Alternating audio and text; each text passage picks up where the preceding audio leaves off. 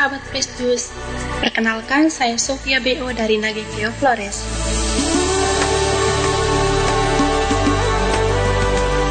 Saya salah satu member OMK DFJ Fellowship 17. Renungan spesial edisi OMK hari ini, Senin 22 Februari 2021, akan dibawakan oleh Primona Valentina Tariforan dari Jakarta, yang juga merupakan admin DFC Fellowship 17. Yuk kita dengarkan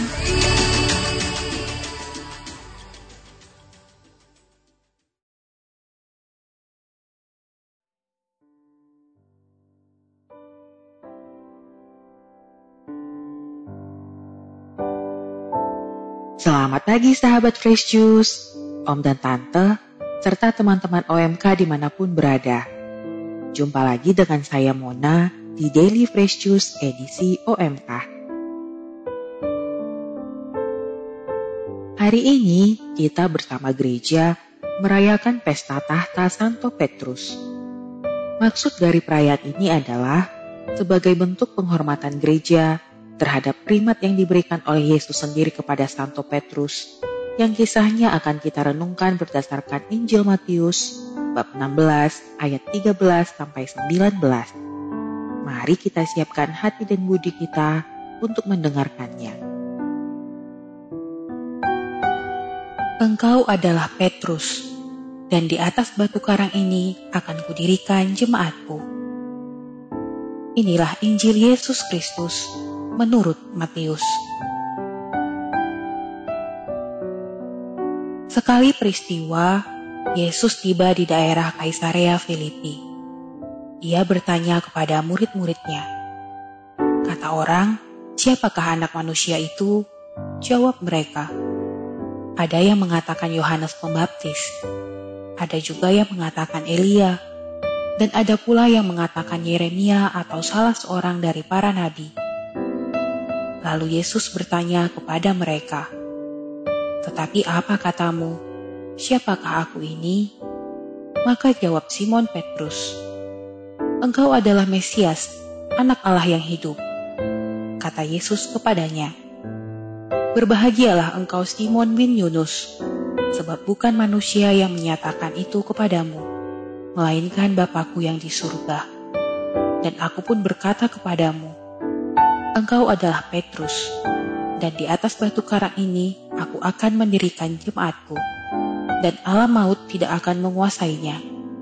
Kepadamu akan kuberikan kunci kerajaan surga. Apa yang kau ikat di dunia ini akan terikat di surga, dan apa yang kau lepaskan di dunia ini akan terlepas di surga. Demikianlah Injil Tuhan. Terpujilah Kristus.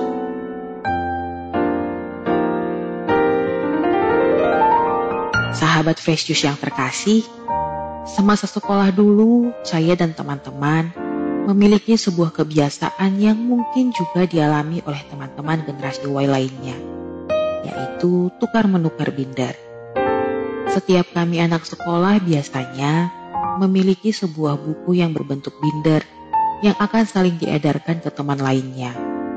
Di binder tersebut, kita akan menuliskan biodata diri kita seperti nama, tempat dan tanggal lahir, hobi, makanan dan minuman kesukaan, lagu favorit, serta pesan dan kesan kita terhadap si pemilik binder.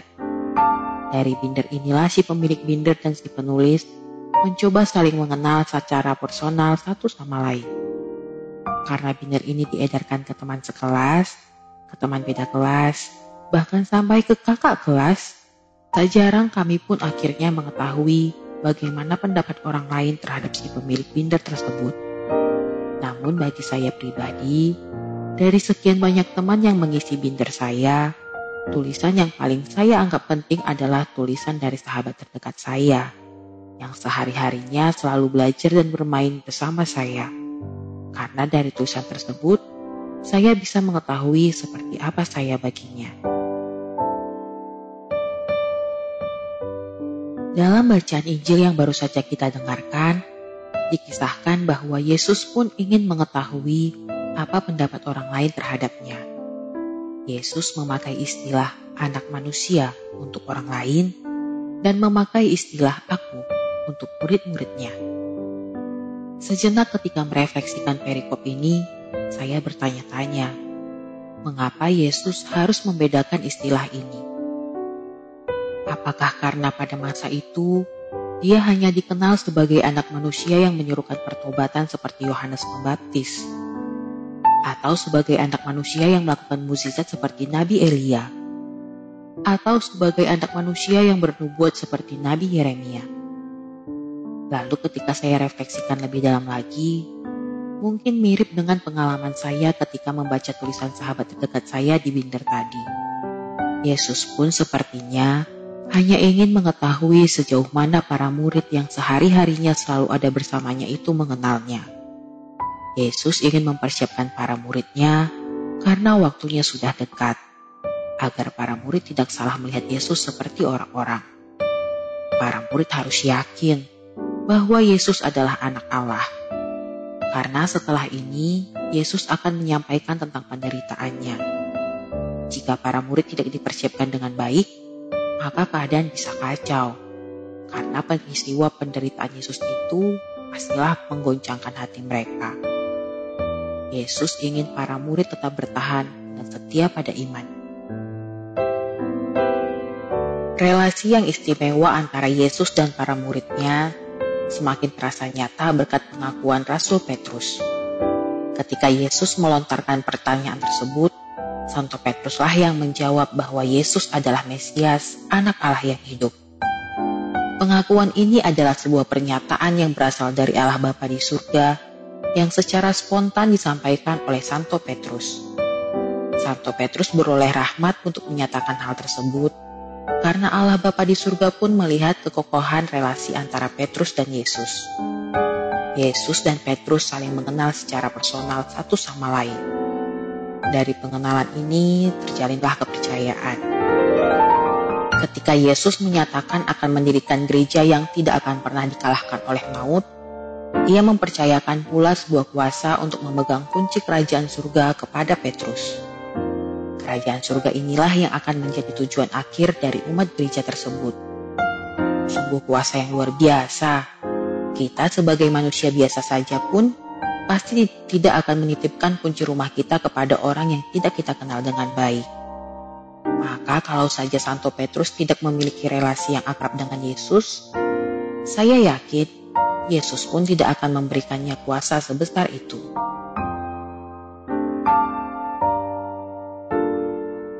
Batu karang yang disebut sebagai pondasi gereja ini melambangkan bahwa gereja yang dibangun oleh Yesus sendiri ini akan selalu kuat dan tidak akan dikalahkan oleh apa pun. Debur ombak kejahatan duniawi kita tidak akan pernah bisa mengalahkannya. Seiring berjalannya waktu, kuasa yang diberikan oleh Yesus kepada Santo Petrus ini akhirnya menjadi warisan berharga yang diturunkan kepada kita umat Katolik. Kita sebagai umat dari gereja yang didirikan oleh Yesus sendiri ini patutlah bersyukur. Karena melalui sakramen tobat, kita juga dapat dilepaskan dari jerat dosa. Santo Petrus merupakan manusia biasa yang juga pernah melakukan dosa seperti kita. Petrus pernah menyangkal Yesus sebanyak tiga kali sebelum ayam berkokok. Namun karena pengenalannya kepada Yesus, Yesus tetap mempercayakan sebuah kuasa kepadanya. Yesus tetap memampukan Petrus dari segala kelemahannya sebagai manusia. Yesus sungguh mengenal Petrus. Yesus juga sungguh mengenal saya, mengenal om, tante, teman-teman OMK, dan sahabat Petrus lainnya. Karena kita adalah ciptaannya. Lalu, bagaimana dengan kita? Siapakah Yesus bagi kita? Sudah sejauh mana relasi personal kita dengan Yesus? Pengenalan akan Yesus adalah pengenalan yang bersifat personal, bukan sekedar apa kata orang atau sekedar menyaksikan perbuatannya kepada orang lain. Tetapi karena kita mengalami sendiri hidup bersamanya. Yesus menginginkan pengakuan yang bukan hanya berdasarkan pengetahuan, tetapi pengakuan yang lahir dari pengalaman berelasi dengannya. Maka hendaklah kita menunjukkan siapa Yesus bagi kita melalui tingkah laku kita sehari-hari. Walaupun kita adalah manusia berdosa, Tuhan masih memberi kita kuasa dalam memimpin. Baik itu memimpin diri sendiri, memimpin keluarga, ataupun memimpin sebuah jabatan di lingkungan pekerjaan, masyarakat, maupun gereja. Hendaknya kita pun tidak menyalahgunakan kuasa ini.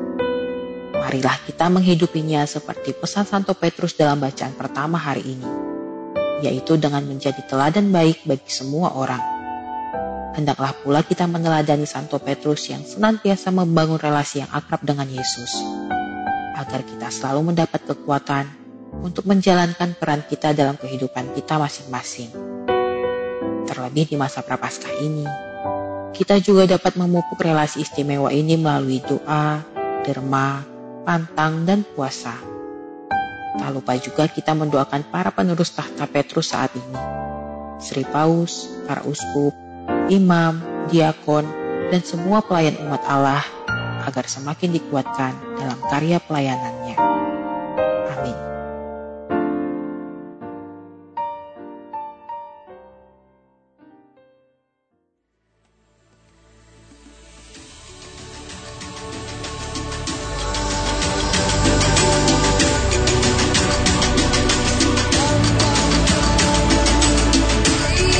Kasih Makmon untuk renungannya hari ini. Sahabat Kristus, mari kita membangun relasi yang personal dengan Yesus agar kita bisa memahami siapa Yesus dalam hidup kita.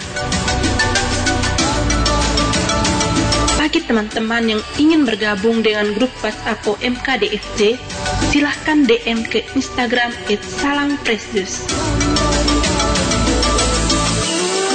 Sampai jumpa lagi di renungan edisi spesial OMK selanjutnya. Selamat pagi, salam sehat dan tetap jaga kesehatan untuk kita semua. Salam fresh juice.